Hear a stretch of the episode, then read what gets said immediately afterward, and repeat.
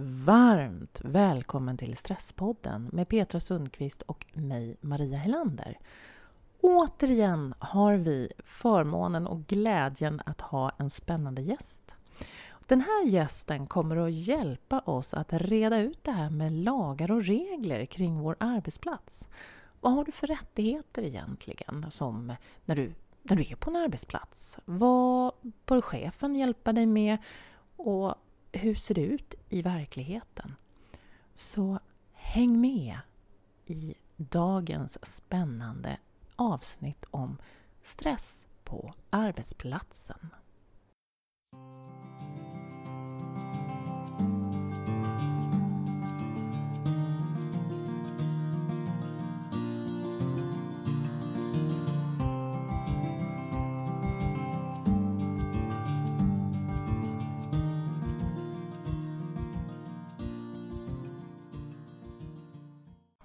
Det här är ju faktiskt jätteroligt. Nu har vi Gunnar Söderberg här. Varmt välkommen till Stresspodden. Tack så jättemycket. Du är, nu får du berätta, för att du, du förklarade för mig vad du, vad du, hur jag skulle presentera dig, men jag har redan glömt bort hur jag ska presentera för, dig. Han är föreläsare och eh, eh, designkonstruktör. Upplevelsedesigner. Upplevelse, du är nästan upplevelsedesigner på Le Creative. Precis. Mm. Mm. Upplevelsedesigner. Åh, vad spännande! Ja, Visst är det? Mm, verkligen. Vi är jätteglada att ha dig här på Stresspodden. Ja, Nu är ju inte det egenskap som upplevelsedesigner. Nej, nej, Nej. men det kanske vi... men, men det hänger lite ihop. det gör för det, det. det. Det vi gör är att vi åker ut när folk har problem, lyssnar på vad de har för något och sen hjälper dem med övningar och rollspel och live som metodik. Jaha. Så vi arbetar med deras upplevelse som ett läromedel, som ett pedagogiskt verktyg. Så vi, kommer, vi kan komma in på att... Gud ja, vad men- spännande. Jag tänkte mig nu att samtal utifrån att du har jobbat i många år fackligt och hållit på väldigt mycket med arbetsmiljöfrågor och sånt. Men nu tog det en liten ny Ja. vändning. Nu börjar det kittla lite av spänning här, vart det här ska hamna. ja, ja, precis. Men det- det kittlar av spänning. Gör inte det när vi ska prata lagar och regler och arbete och, och arbetsgivare? Kittlar inte någonstans, Petra? Nej, fast det gör mig glad att du är här, Ja. så att vi kan lyfta det här. För jag Mm. hoppas att alla faktiskt som har eh, problem på sina arbetsplatser, antingen att arbetsgivarna lyssnar, eller också att ni som lyssnar och har en arbetsgivare eh, får konkreta tips och råd för vad man Mm. kan ta upp med sin arbetsgivare, hur och hur man liksom kan få stöd av det här i lagen. Mm. Mm. För det finns idag ganska mycket lagar, eller hur? Kring hur, hur man får må egentligen på en arbetsplats. Definitivt. Och vi har egentligen grunden. När jag har pratat och undervisat om arbetsrätt så jag brukar jag säga men arbetsrätten och arbetsmiljölagen det- är två separata bitar som egentligen nästan är lika tjocka. Att den arbetsmiljö du har på arbetsplatsen den är väldigt välreglerad. Och till skillnad från arbetsrätten som ofta säger att det bör som eh, en juridikkollega brukar säga, bästa juridikfrasen det är det beror på. Eh, så säger arbetsrätten ska i väldigt många lägen. Den sätt- sätter tydliga krav på vad du får göra och vad du inte får göra. Mm. Okej. I arbetsmiljölagen så fi- eh, finns det också, tillkommer då eh, Arbetsmiljöverkets föreskriftssamlingar som kompletterar den. Som sätter regler för just, som jag tycker hänger ihop med vad du ska göra i stressfrågor och liknande. Och framförallt handlar det om att säga till det förebyggande. Sen har vi en stor rehabiliteringsskada när, när olyckan har skett. Men ar- arbetsmiljöarbete handlar i första hand om att förebygga, att försöka bygga bort skadorna. Mm. För det här är ett jättestort problem idag, eller hur? Just det här att vi, vi mår så dåligt så vi blir utbrända och sjukskrivna för, för grund av stress. Det här är ett helt klart växande problem och det har varit under många år att vi ser att sjukskrivningstalen ökar. De flyttar också upp till tjänstemannasektorn på ett annat sätt. Att långvariga sjukskrivningar som för vi skiljer ju arbetsrättsligt på arbetare och tjänstemän, speciellt i kollektivavtalen. Mhm. Och när det gäller de här tilläggen till arbetsmiljölagen så har nästan allt skrivits utifrån olika arbetarfunktioner. Att Mm. Men I den här branschen så har vi fysiska faror. Då skriver vi till ett litet orange häfte. Mm. Arbetsmiljöverkets föreskriftssamling om just det här biten. Mm. Mm. På tjänstemannasidan har man länge bara haft det systematiska arbetsmiljöarbete som pratar om att man ska ta och titta på allting systematiskt. Att man ska göra en skyddsrond och den ska även egentligen vara psykosocial. Vad innebär det egentligen i praktiken? Det innebär att du ska ha arbetsgivare och representanter för arbetstagarna. Så fort man är mer än fem anställda så ska man utse ett skyddsombud eller arbetsmiljöombud. Det är precis samma sak fast mm. två olika termer. Bland de anställda som är ett bollplank för den med arbetsmiljöansvaret. Mm. Mm. Och vet man inte vem som har arbetsmiljöansvar så är det VDn. Om det inte är skriftligt delegerat ner tillsammans med resurser till underliggande chefer. Oh. Underliggande chefer kan alltid säga att det här vill jag inte ha längre för jag har inte tillräckligt kompetens eller resurser och skicka upp det eller be om mer resurser. Mm. Okay. Men jag tänker så här, skyddsombud på en arbetsplats. Då ser jag en person som ska se till så att inte nödutgången är blockerad och lite sådana saker beroende på vad det är för arbetsplats. Men... Det, det, det, är rätt vanlig tanke och det här är ju det, eh, för, för, det är inte den som ska se till det, den ska påpeka för den med arbetsmiljöansvaret att här är nödgången blockerad. Det mm. kan vi ju inte ha. När ska du åtgärda det här? Ja, ja. Eh, men det gäller hela arbetsmiljön. Mm. Alltså inte bara det fysiska, inte bara höj och sänkbara skrivbord, har vi lagbelysning, har vi rätt ljudvolym? Mm. Eh, behöver vi stålhätta på skon eller hård hjälm? Eller, utom det gäller hela alltet. Det där är så intressant, för det där, alltså just det här, de här, om man säger hårda nu inom situationstecken grejerna som går att ta på ändå med skrivbord och de här ergonomiska plattorna eller vad det nu än är och man lär sig lyfta rätt och sådana saker, bära rätt och det, det, är så självklart. Och sen så är det som vanligt på något sätt i, i våra liv och samhällen att allt som handlar faktiskt om det, det inre och hur vi mår och vad som påverkar oss, det, det blir så lågt prioriterat. Och jag hör ju det också när du beskriver hur det här ansvaret ändå är. Att det är ju det är inte det första vi tänker på, på riktigt. Tyvärr tänker vi på det först oftast när det har kommit mm. sjukskrivningar. Mm. Att när någon har blivit det. Och väldigt ofta så går man in och säger bär, beror det här på individen? Mm. Och så försöker man plåstra det här och, och ta hand om den bara. Medans eh, det, det, som jag, jag brinner för det är ju när man bara säger men okej, det här är nog symptom på något annat. Låt oss gå in och titta på det. Mm. Och det är det det systematiska arbetsmiljöarbetet egentligen handlar om. Att ja, men du har en skyldighet att gå in och titta på det. Mm. Säga vad är våra risker? Göra en riskbedömning på vad är det som kan orsaka sjukskrivningar och hur allvarliga. Mm. brukar ofta allvar, längre sjukskrivning jämställas i princip med dödsfall. Att se mm. som så mm. pass... Ja, men du ska undvika den här ja. kategorin. Och ja. en utbrändhet, en utmattningsdepression, Mm. det är oftast en väldigt lång sjukskrivning. Ja, Så den, den, risken där, man ser det som en, en sam, alltså, lika allvarlig risk. Att du, antingen du, du kan råka ut för en dödsolycka i det här arbetet eller du, i det här andra arbetet så kan du råka ut för en utmattning. Mm. Ja. Det kan det faktiskt också vara en konsekvent... För nu, nu pratar jag, mm. hamnar jag ofta på att prata om stress som både den organisatoriska och den sociala arbetsmiljön. Social brukar man prata om kränkande särbehandling eller mm. vardagsmun mobbing. Mm. Såg nyligen siffror på, måste jag fundera, jag tror det var två dödsfall i veckan relaterat till mobbing på arbetsplatser i Sverige. Oj! Det, för det där, och det där blir också en gråzon, men vad är det? För det där påverkar privatlivet. Och så mm. kan man mm. säga, men är det privatlivet eller är det jobbet eller vad är det? Mm. Ja, det kan, kommer vi nog aldrig vara säkra på. Nej. Men tittar man på statistiken, ja men folk mår så dåligt på livet, mm. eller på jobbet, att de mm. tar sitt liv. Det kanske inte bara är jobbet. Mm. Men det är en faktor i det. Eller kan vara en faktor. Och bara att det kan vara en faktor. Och vi måste ju undersöka om vi kan åtgärda det. Ja, mm. för jag tänker oftast är det ju så, är man stressad på ett område så sprider det sig oftast till andra områden också. Så mm. är du stressad på arbetsplatsen så kommer det snart att, att kännas av hemma också. Så att stress föder stress. Det ja, men definitivt. Mm. Det är svårt. Jag brukar ofta titta på det som att om man delar upp ens liv i ett Eh, familjen, den närmsta kretsen, men eh, fritiden, mina hobbys, vad jag gör och arbetet. Så mm. klarar de flesta människor av att en av de här faktorerna krånglar. Mm. Alltså är det stressigt i bara en, då klarar det bra. Mm. Men så fort det är två, då brukar folk börja gå sönder. Mm. mm. mm. Och då kan det ju vara så att ja, men det är min, min fritidssituation och det är min familj som krånglar. Ja, då blir jag utbränd på grund av det. Men vanligtvis eh, tror vi att en faktor eller tror jag i alla fall, att en faktor är arbetslivet. Mm. Då behöver vi reda ut det. Mm.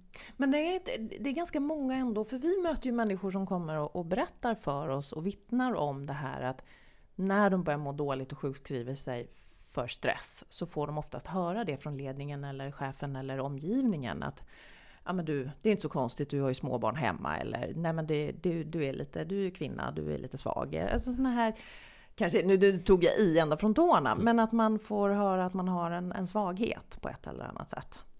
Ja, men det, det är min bild också, att ofta så försöker man hi- säga att det är inte vårt fel för att slippa åtgärder. Men framförallt kommer du till en rehabutredning, då sitter du där i alla fall att utreda om det är arbetsgivaren. Och jag, jag har träffat arbetsgivare där de har sagt att det är under flera personer. Att ja, men första går och sen så tar de nästa också. Ja, men det är säkert också privata skäl. Ja. Och jag tror, det, du kan ju hitta, oavsett om du är frisk eller om du är sjukskriven, kan du hitta privata skäl till att du skulle vara sjukskriven på grund av stress. Det tror jag gäller för i princip alla. Ja, Det, absolut. Oh ja, eller hur? Ja. Jag tänker att tankesättet som vi måste börja se det på, alltså också ur ett arbetsgivarperspektiv och också som anställd, att som du säger nu, att en, en grej kan rasa i livet, men är det två, då blir det ju ännu viktigare på något sätt att förebygga det här i arbetslivet, att den här ena biten aldrig kommer vara arbetsplatsen i alla fall. ja, men För definitivt. då får ju folk ha ett trassligt privatliv, för det kan ju inte såklart, nej det kan aldrig arbetsgivaren ansvara för. Nej, eh, nej men och, och, och sen så är det Maria säger om att det kan smitta, det är också bra att komma ihåg. Mm. Att är det trassligt privat, ja, då behöver den personen nog extra lugnt på jobbet. Mm. Och vice versa. Arbetsgivaren äger ju bara arbetsplatsen. Mm. Den kan göra vad den vill i, med friskvårdsaktiviteter, friskvårdsbidrag, motionspeng för att uppmuntra ett bättre levande. Mm. Men syvende och sist så handlar det om att mitt, ar- om jag är arbetsgivare är mitt uppdrag arbetsplatsen. Mm. Skapa rätt förutsättningar där. Det är det Ja. jag har rättighet till och det jag har skyldighet till. Många tar ju upp det här kring jobbet också, att, det, att de aldrig känner att de riktigt vet vad de ska göra och liksom arbetsuppgifter blir oftast eh, på en stressig arbetsplats eh, ännu mer flytande och det skapar ju stress i sig. Det blir, allting blir en otydlighet mellan kollegor och från ledning och allting. Och du nämnde det här också med eh, eh, arbetsrätten, lagen. Ar- eh, arbetsmiljölagen. eh, och arbetsmiljölagen. arbetsmiljö- Det var den som var den skarpa, där det ja, står det ska. är den som är den precis. skarpa. Och sådana här saker tar ju den upp då, förstår jag. Ja, och i just den biten så är det ju för två år sedan, tre år sedan blir det, ja, två, eh, så kommer det nya regler från Arbetsmiljöverket, en föreskriftssamling som det heter, eh, om organisatorisk och social arbetsmiljö. Kallas ofta för AFS 2015 kolon 4 eller OSA, just den. Men den samlade ett par som hade varit och förtydligade reglerna för social och organisatorisk arbetsmiljö. Organisatorisk är just de här frågorna. Att Man satte, nu tog jag fram papper bara för att det här behöver Ja. jag få citera. Ja, Eh, där satte man i regler eh, att eh, arbetsgivaren ska se till att arbetstagaren känner till vilka arbetsuppgifter som ska utföras, vilket resultat som ska uppnås med arbetet, om det finns särskilda sätt som arbetet ska utföras på, och i så fall hur, vilka arbetsuppgifter ska, ska prioriteras när tiden inte räcker till? Och vem de ska vända sig till för att få stöd. Mm. Så hela det här lagstiftar man och säger det här är ditt ansvar som arbetsgivare att se till. Wow. Ja, verkligen. Ja. Det här har jag rätt till. Det här har du rätt anställd. Och jag tyckte ju att det var ironiskt att man behövde skriva det här. Mm. För jag som arbets, som gammal chef blir så men det här är ju första jag vill berätta för personalen. Mm. Vad ska du göra? Vad, vad har jag för mål med det här? Mm. Och det kan vara otydligt, för i vissa yrken vill man att det är otydligt. Ja, men ni ska göra något nytt. Mm. Vad för nytt? Ja, det vet vi inte, för då hade det inte varit nytt. Eh, men där kunde jag också jobba utifrån det här, att ja, men de ska veta om, har jag gjort rätt saker? Mm. Eh, när vi har varit undersökning på det här så är det spännande att ofta när folk är stressade så har jag läst ett par undersökningar som pekar på att det inte eh, det som stressar mest är att de är rädda för att inte räcka till för kollegorna. Mm. Det finns en social aspekt där som jag tror att vi vill behålla i alla företag. Att, ja, men vi vill ställa upp för varann. Men vi be- behöver tydliggöra att vi är okej med varann. Mm. Då, vi, då lämnar vi det här och är nere på kultur. Att Ja. folk kan faktiskt till och med följa det här och Mm. fortfarande ha problem. Mm, mm, mm. Intressant. Ja.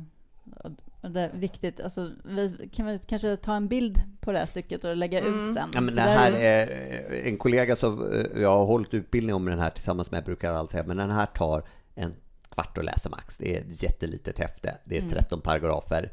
Eh, Går att beställa från Arbetsmiljöverket, kostar 30 kronor i tryckt form, gratis pdf. Mm. Ta och beställ hem ett par till arbetsplatsen, lägg på fikabordet, läs och prata om det här. Ja. Det är, och undrar ni varför, så gå till paragraf 1 och läs. Varför har vi de här reglerna? Grundbiten handlar om två saker, ty tycker jag. Ett, ta bort sjukskrivningstal på grund av utmattningsdepression, eller få ner dem i alla fall. Två, så är det här ett stöd för att skapa en mer effektiv och bättre och kreativare och innovativare arbetsplats. Det där är jättespännande, för jag, någonstans i den här himla stressen som vi alla mer eller mindre befinner oss i i arbetsmiljön så tror vi ju på något sätt, vi har ju en förhoppning om att vi åtminstone är kreativa, att vi får saker och ting gjort. Vi är effektiva, effektiva, effektiva. Det är ju på något sätt så här grunden i det. Så här, Sluta lata sitt inte där och slöja, hoppa över fikarasten. Varför ska du ta en promenad på lunchen? Ska du Nu gå hem vara tidigt eff- igen? Effektiv. Mm. Och faktiskt så säger det du säger nu är ju precis, vi säger att det är tvärtom. Väldigt mycket, om man kollar på ledarskapsstudier, visar på att det är tvärtom. Att Mm. de här målen, eh, snabbheten, framförallt en kultur där du inte tar paus, minskar att du är kreativ och innovativ. Mhm. Så pausen är viktig för din kreativitet och för att du ska må bra på arbetsplatsen? Ja, men eh, fokus kräver paus. Ska jag, Allting fokusera, kräver en paus. se, ska jag fokusera så behöver jag också kunna komma upp ur det. Och Mm. det kan ju vara jättejobbigt ibland om jag är i ett flow som jag, jag som ibland skriver. Jag kan Mm. vara i ett underbart flow och känna att det bara går så underbart smidigt att skriva. Mm. Men jag behöver fortfarande pausa och det märker jag oftast naturligt då att helt plötsligt går man in i vägg och bara känner att nu är hjärnan slut. Mm. Fortsätter jag försöka skriva då så kommer det inte bli något bra. Mm. Det är i alla fall inte för mig, men jag Nej, tror det är så för de flesta. Att, ja, men, jag kan vara i det och lå- stanna det, men kom ihåg att det här är någonting du behöver extra paus efter. Mm. Mm. Mm. Ta det till er, alla som lyssnar, om paus. Det är ju Mm. ändå viktigt. Det är liksom, Pausen är ju för att förbereda sig för ett arbete. Mm. Den behöver ju inte vara lång. Mm. Nej, Jag hade kollegor, kollegor en gång som, eh, när jag jobbade på ett företag, jag ska inte nämna vilket företag, men de eh, började och plockade upp rökningen igen. För att de skulle få gå ut och, och ta en paus. De hade typ varit rökfria i, i x antal år. Men just bara för att få gå bort, gå ner, stå ute, andas. Hade de, annars var, fick, de ingen, fick de inte ta den där pausen. det där eh, hittade jag när jag, jag var butikschef när jag bytte butik och kom till butik där jag märkte att rökarna hade en fem minuter extra paus två gånger per dag. Då införde jag den för icke-rökarna också så att ja, men, du går ut nu och tar fem minuter. Liksom. Inte vara i butiken, inte vara i lagret. För det, du ska ha samma rättighet som rökarna. precis. Och det är ju bra att ha den här pausen. Mm. Och folk var lite förbryllade först, men efter två, tre veckor så tycker de det var jätteskönt. Jag får gå in, bara sparka om i skorna, ta fem minuter. Ja, Bara stå och andas Ja. lite utomhus, Ja. perfekt. Och fruktansvärt att folk ska börja röka för att kännas... Men det är ju så, jag känner också igen det där när det har funnits rökare på en arbetsplats och alla då som inte röker tyckte så här, ja nej men när man röker då får man ju tydligen, och där var, det- kunde det vara en cigg i timmen. Alltså det blir ju ganska stor skillnad på antalet timmar man tänker sig att man jobbar liksom. Ja men ska man inte få ta den där fem minuter i Alla ska ha den fem Alla minuter. ska ha fem minuter. Absolut, och det, med, det tycker jag ju verkligen, för det behövs. Så har man stillasittande jobb som många har idag också, då blir det ännu viktigare av andra anledningar också. Så att, men det, att det, Jag varit på en säljorganisation där det var väldigt tydligt om man tittar på det på ett metaperspektiv att rökaren som gick bort en gång i timmen hon var ju bästa säljaren. Mm. Jag tror inte det berodde på att hon så, ö, rökte utan Nej. på just det att hon pausade. Men så hade det stått Ah. på löpsedeln. Ja. Rökare är de bästa säljarna. Usch, nej fy. Nej, men pausen, ver- återigen, väldigt viktigt. Men nu blir jag blir lite nyfiken på hur du jobbar för att komma åt de här sakerna, till exempel på en arbetsplats. Ja, men det, om man tittar på ett sånt här, när man råkar titta på de här sakerna, så, men hur kommer vi åt det här med en kultur och sånt? Ja, men då får man gå in och lyssna och sen jobbar vi med övningar med, vi har ju bakgrund i att jobba med live som pedagogik, så vi gör olika rollspel. Sen blir det lekar och sånt också. Och leken är underbar för den bygger tillit och trygghet i en grupp. Det många är rädda för är ju att göra fel. Och det behöver vi göra för att utvecklas, för att vara kreativa, för alla de här bra sakerna. Det som händer om vi gör fel i en grupp. Och det är en accepterande kultur, att vi kommer närmare varann. Mm. Så då är det rätt så roligt att kunna få åka ut och hjälpa en grupp att göra fel. Mm. Så de ska komma närmare varann, våga skratta och det blir en kultur där accepterat. Kan du ta något exempel på någon konkret grej hur ni jobbar med? Eh, Ja, det kan vara allting från att åka ut och ett Ja, det man vill ju inte avslöja allt för mycket om, om Nej, folk men beställer. någon liten eh, grej nej, men vi bara, så vi hade en en sån eh, där vi var ute och hjälpte ett företag med, eh, med inkludering, att få en be- bättre likabehandling, bättre jämlikhet på arbetsplatsen. Där en av de här övningarna mellan gångerna vi var hos dem var att vecka ett, här har, har ni fått med slips, alla ska ha slips en gång i veckan. Mm. Vecka två var det nagellack. Mm. Okej, ja. Och det där eh, kan ju kännas tramsigt och det är lite peta och pröva folks väggar. Mm. Men det gör ju också att folk får pröva på varans roller. Märk, och sen pratar vi om det. Vad hände egentligen? Där flera var så här, jag sprang och tog på det nu på nagellacken. Men det skapar ju någonting med att vi vågar pröva något. Man känner sig lite busig. Ja. Jag, jag tror det var någon som hade tånagellack, för som herre så märker man inte det. Men du känner dig ju lite, säkert lite busig om du Ja. har målade tånaglar och full kostym. Så, Ja. Ja. Var, var det ett okej exempel? Ja, absolut. Det- ja. absolut. Mm, Verkligen. mm, mm. Ja. Annars är eh, en bra startövning det kommer ofta från improvisationsteater som har korta games som i princip går ut på att vi kommer hålla ett sånt tempo så alla kommer göra fel. Mm. Mm. Mm. Då lär sig folk att Mm. göra fel och så kan man lägga på ett moment att när någon gör fel, då ska vi hylla det, då ska vi jubla eller applådera eller något sånt. Då blir folk till och med, då får de en positiv feedback att göra fel. Mm. Mm. Mm. Sen så är de här, vi kan komma ut och ha roligt, men det är en kultur som behöver ändras oftast. Ja. Då behöver man också hitta sätt att prata om det, pröva varans kläder och ja. Mm. Behöver, vi, behöver vi lära oss göra mer fel på arbetsplatsen? Skulle vi må bra av det? Jag tror många arbetsplatser mår bra av det och framförallt mår bra av att eh, ha en dialog om det. För om vi har en kultur där vi accepterar att man ibland gör fel, Mm. då vågar man också säga till arbetsledningen att vänta tag, det här beslutet kanske blir tokigt och varför?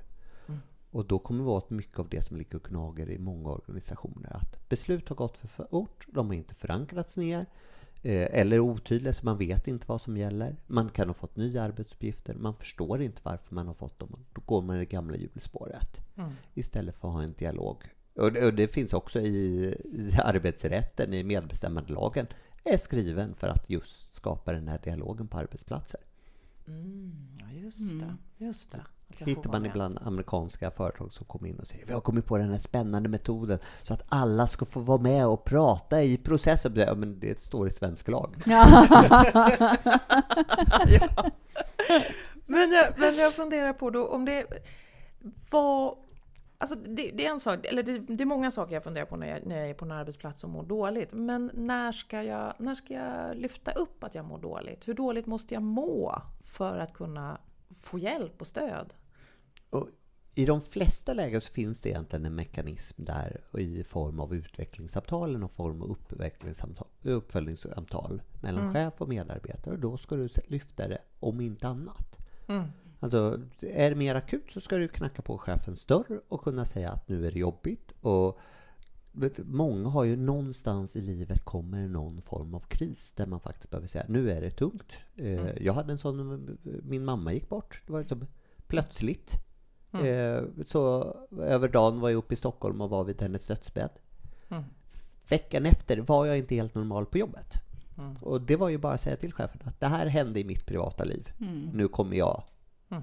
Då hade jag en bra chef som sa Bra, då styr vi om. Vad behöver du hjälp med? Du gör som, som du vill. Du säger din rytm. Mm. Hade det, den dialogen inte fungerat så hade det här ju kunnat ta mycket längre tid och lett till med jobbigare Ja, konsekvenser. verkligen. Mm. Eh, och det var ju en akut situation. Sen så ska man helst, om man bygger en bra struktur i företaget, ha den här löpande avstämningen också. Så man kan säga, ja, men hur går det? Går det uppåt? Går det neråt? Är du stimulerad? För det kan ju också vara en stress när folk... Ja, men, det är lätt lite. att prata om de som har för mycket att göra, Ja. men det är lika farligt tror jag att ha för lite att göra eller Mm. känna sig onyttig. Mm. Mm. Och kunna säga det, ja, men jag känner mig inte nyttig just nu. Mm. Ja men jättebra, då kan vi åtgärda det. Ofta finns ju någon annans uppgift där man bara ska fördela om. Mm. Mm. Mm. Det är Så- väl de där sakerna som är svårast än de här akuta grejerna. De tänker jag att- att de flesta kanske ändå känner att man ändå får ett stöd med på ett eller annat sätt i alla fall. Men det är ju just de här andra sakerna som inte är det här lika påtagligt, som är mer det här smygande som pågår lite hela tiden. Det är det som också är så svårt tror jag, för oss själva också i, i den kultur vi lever i, att få fatt på. Mm. Också att det är så här lite skammigt. Vi lever liksom, normen är så att du alltid ska prestera, vara pigg och eh, alltid vara full aktivitet på något sätt. Mm. Ändå. Så det är, det. är mycket som ska brytas för att också kunna gå till sin chef eller kunna säga till sina kollegor när det inte är det här akuta. Det Mm. krävs verkligen att det finns det här i miljön. Ja, men Alltid. våga prata om vad har vi för miljö? Hur vill Ja. vi ha den? Varför har vi den egentligen? Mm. Jag ser många lägen som där arbetsgivare har eh, olika former av spelregler, utskrivna eller inte. Mm. Så man blir som en stödjer det här det ni vill uppnå. Mm. Där folk skriver saker för att det känns bra, men inte går det. Nu blir det det, ja, vi har ju en spelaspekt när vi jobbar med rollspel och sånt, att vi gillar att grotta ner i spelregler också. Så, ja, men hur kan Mm. vi bryta det här? Hur kan vi matcha det mot arbetsrätt? Men framförallt se till att ni har de överenskommelser som passar det ni vill uppnå. Mm. Mm. Mm. Ja, just det. Ja, men det blir verkligen att levandegöra det då. Men Mm. ofta så känns det som mycket sådana här hamnar typ på en hylla. Men här har vi de här dokumenten. Jo, då, vi, vi har dem, vi känner till dem och det, att det räcker. Att Ja, det men liksom- jag, jag mm. ser att det finns, finns de två varianterna. Delvis eh, dock, eh, den som ligger och samlar damm på hyllan. Ja. Och sen finns det den oskrivna kulturen. ja. i ja, men fikarum brukar ofta ha sådär att man kan titta på, är det någon som alltid sitter på samma arbetsplats? Finns det oskriven regel för hur gör vi? Är det någon som får, har förtur på att prata vid fikabordet? Ja. Mm. Ehm, eh, Pratar män mer än kvinnor är rätt så vanligt. Ja. Och det finns oskrivna regler på hur det där går till. Mm. Mm. Mm. Just det. Just Så det finns ju oftast den bunten också. Ja. Och de där, ibland stämmer de överens, ibland så går de helt mot varandra. Mm. Och då, Mm. min känsla är att de oskrivna reglerna tyvärr trumfar de skrivna. Mm. Så det är viktigt att lyfta både och och förankra Mm. vad är det vi vill. Mm. I vilka forum, ska man, eh, vilka forum ska man göra det?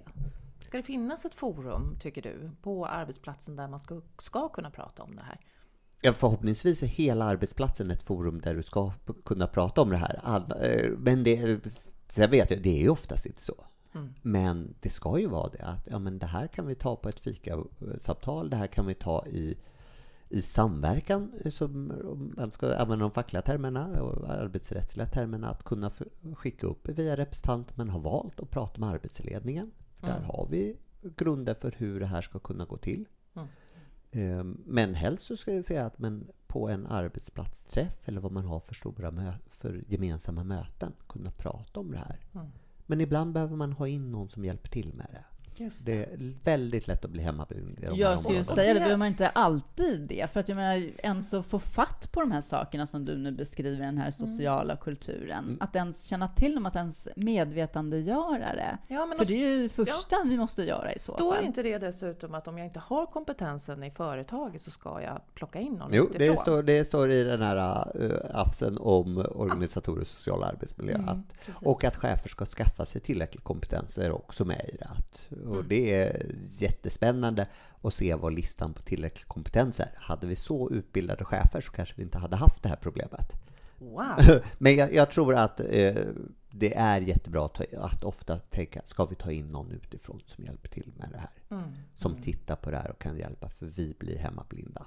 Mm. Eh, förhopp, min förhoppning är att man ska kunna bygga arbetsplatser där man säger att vi har faktiskt koll, vi stämmer av med någon i alla fall, men vi behöver inte göra det så ofta för att vi har skapat en bra miljö och vet hur den går till. Mm. Sen är det svårt att det rör sig i alla organisationer. Mm. Vad händer när vi har bytt ut en tredjedel? Har vi kvar kulturen vi byggde? Mm. Just det, just det. Mm. Och vad händer då om jag är i en situation där jag upplever att ingen lyssnar på mig? Om jag, vad, vad har jag för rättigheter då? Jag kan, om jag går och knackar på chefens dörr och jag känner att den personen inte upp, ja, lyssnar på mig. Va- Vart kan jag vända mig? Det finns eh, en kedja på in, inom arbetsplatsen först. Att du ska gå till din chef, lyssna in till chefen, så ska du gå uppåt. Du ska också kunna gå till ditt arbetsmiljöombud eller skyddsombud beroende på vad det kallas Mm. hos just er. Det, eh, som ska kunna vara ett stöd också och koppla vidare. Eh, du ska kunna koppla in, du kan höra av dig till fackförbund om du är med i facket. Mm. Du kan höra av dig till Arbetsmiljöverket. Som egentligen är kontrollinstansen för alla arbetsmiljöbitarna. Eh, Det finns eh, regionala arbetsmiljöombud. eh, Om du inte har ett arbetsmiljöombud eller skyddskommittéer Mm. på din arbetsplats. Mm. Skyddskommittéer när du har fler arbetsmiljöombud vanligtvis. Det kan också vara andra versioner. Lagen kräver det från 50 anställda uppåt att Mm. du ska ha en skyddskommitté. Finns inte det så kan man koppla in ett regionalt arbetsmiljöombud. Alltså Mhm. vanligtvis någon som är anställd av ett fackförbund och har gått lite extra utbildning som kommer in och kan hjälpa till med de här frågorna. Men det är ju bättre att ha en kollega, att ha det på arbetsplatsen. Precis, men det kan ju hända att jag upplever att det är personkemin inte stämmer eller att jag inte blir lyssnad på av den personen också. Då- Och då kan jag gå vidare antingen till mitt fack eller att jag surfar in här alltså på av.se. Ja, du, eh, Arbetsmiljöverket. Arbetsmiljöverket har ofta rätt så mycket att göra. Men Mm. var inte det. Sen så är ju en viktig bit att de flesta har företagshälsovård också. Mm. Har ett företagshälsovårdsavtal. Ta reda på om du kan gå och prata med någon där. Mm. Just det. Mm. För vad, vad är det då som, som kan hända om, om eh, man gör en kontroll på arbetsplatsen och, och man upptäcker? Alltså hur kan man... Rent praktiskt finns det lagar för där man gör en nu blir det förkortningar och termer, men det är en sån värld. Man lägger en 66A. Man säger att vi kanske behöver göra skyddsstopp här. Man eh, redovisar de här problemen finns på arbetsplatser så vi tror är risker för långvarig sjukskrivning eller, Mm. eller dödsfall. Mm. Det här är stora risker. Eh, åtgärda dem inom två veckor. Eller rimlig tid tror jag är frasen. Mm. Eh, men det- det anses vara två veckor vanligtvis. Mm. Wow. Eh, och sker inte det så kan Arbetsmiljöverket, eller egentligen skyddsombudet, stänga arbetsplatsen och säga nej, det här är för farligt. Oh, har ni det nu alla? Men det här är ju, det här är ju en jättestor manöver att säga, komma Ja. Till det. Bara lägga en sån så ska man egentligen ta, gör inte det själv. Är du skyddsombud på en arbetsplats, ha någon med som reder ut och säger ja men nu är det läge att göra att. Mm. Från Arbetsmiljöverket eller från fackförbund, eh, hitta ett stöd i vad är det jag gör? För det är ett så stort ingrepp att bara säga att ja, men om ni inte åtgärdar det här så, gör, så kan vi stänga arbetsplatsen. Mm. Och det här är ju regler som används inom sektorer där det här där fa- faran är fysiska regelbundet. Ja, just det. Mm. Ja, men, titta på byggsvängen, ja, men de stänger ju arbetsplatser om det sker en olycka. Ja. Då stänger de, åtgärdar. Öppnar vanligtvis dagen efter, men de har åtgärdat hur kan det här inte ske igen. Ja, precis. Kravet egentligen att mm, arbetsgivaren ska med hjälp av arbetsmiljöombudet förutsäga det här så att vi aldrig kommer dit. Nej. Så perfekt värld lever vi inte i. Nej. Och i rent praktiskt så ska egentligen samma regler gälla för den organisatoriska och sociala arbetsmiljö. Märta blev utskri- eller sjukskriven nu för utbrändhet. Nu stänger vi här tills vi har utrett varför. Vilken dröm det vore! Ja, men det, är ofta så säger man ju att det här är Märtas problem, men Ja. då tar vi bara det. Men egentligen kanske man skulle göra det oftare Mm. och säga att vad, åtgärd, vad för åtgärder gör vi för att det här inte ska tillkomma? Och är det här verkliga åtgärder eller är det bara kosmetiska? Att, ja, men vi tar in en inspirationsföreläsare. Ja. Ja, vilket jag själv ibland jobbar som, men det är jättebra insats, men det är jättesvårt att få ett långvarigt perspektiv på det. Mm. Utan helst vill man ju följa upp Mm. med att komma in och prata om hur gör vi det här. Mm. längre Verkligen sikt. börja arbeta med, så börja arbeta med det. Ja. Mm. Jag måste bara skjuta in när vi pratar Ja. om de här reglerna, att det här är också kränkande särbehandling. Det är lika stor problem egentligen att titta på. Har vi en bra kultur? Förekommer det mobbing? Mm. det, det är en, i många lägen lika mycket som stressen av arbete Mm. Mm. en bit att titta på. Mm. Mm. Verkligen. Oh, ja. Mm. Ja. Wow! Ja, Ja. men jag- om vi säger så här Gun, vad, vad, om du får skicka med tre tips om jag jobbar på i ett företag eller med, tre tips till våra lyssnare. Vad Eh, skulle, jag vilja, vad skulle du vilja ge dem för någonting? ett tips blir att prata med varann och var inte rädda för att prata med varann för att det, det finns så mycket som behöver, alltså är någonting fel så våga prata om det. Men prata om det med ett glatt perspektiv. Mm. Titta framåt och inte bakåt så mycket utan säg vad kan vi göra? Hur vill vi att det ska se ut imorgon? Inte hur såg det ut igår? Nej. För det där är så lätt att fastna i att utom Mm. titta, ja men vad, vart vill vi vara på väg? Mm. Mm. Eh, och tre- tredje är ju att beställa hem den här, eh, som jag ser, blir lite orange häfte som heter Organisatorisk och social arbetsmiljö. Mm. Lägg på fikabordet, läs igenom, kolla och fundera på det här. Mm. För det är en bra dialog bara där, att börja prata om vad har vi för regler för det. Ja, just det. Mm. Mm. Ja, så prata mer på arbetsplatsen, titta framåt och ha det här häftet till hands som vi Mm. kommer att länka ut. Ja, det kommer vi länka ut. Mm. Ja, och jag kan, tycker också så här, ta med det här avsnittet till arbetsplatsen och lyssna på tillsammans ifall det är svårt att komma igång med samtalet så att alla Mm. förstår liksom vikten av det här. Mm. Ja, har ni inte ett skyddsombud, arbetsmiljöombud, utse det. Mm. Det är Bums. Ja, nej, men det är prat om vem vill vi ska representera. Det är ett eh, uppdrag skyddat av förtroendemannalagen. Man har rätt till betald utbildning för uppdraget.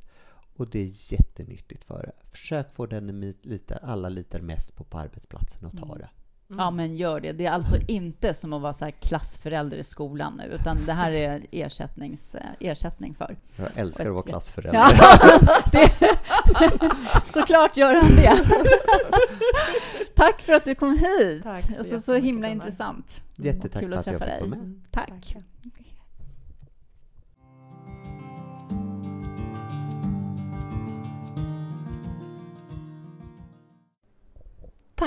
för att du har lyssnat på oss i Stresspodden. Om du har frågor, funderingar eller faktiskt vill att vi ska komma och prata hos er eh, till ert företag eller eh, till er organisation eller till på Tjejkvällen Ja, då hör du av dig till info stresspodden.nu. Sök gärna upp oss också på Instagram, Stresspodden, eller Facebook där vi lägger ut lite tips, tricks, dagliga tankar om hur du ska må bättre i den här stressade världen som vi befinner oss i. Tack så jättemycket för att du lyssnar. Hej då!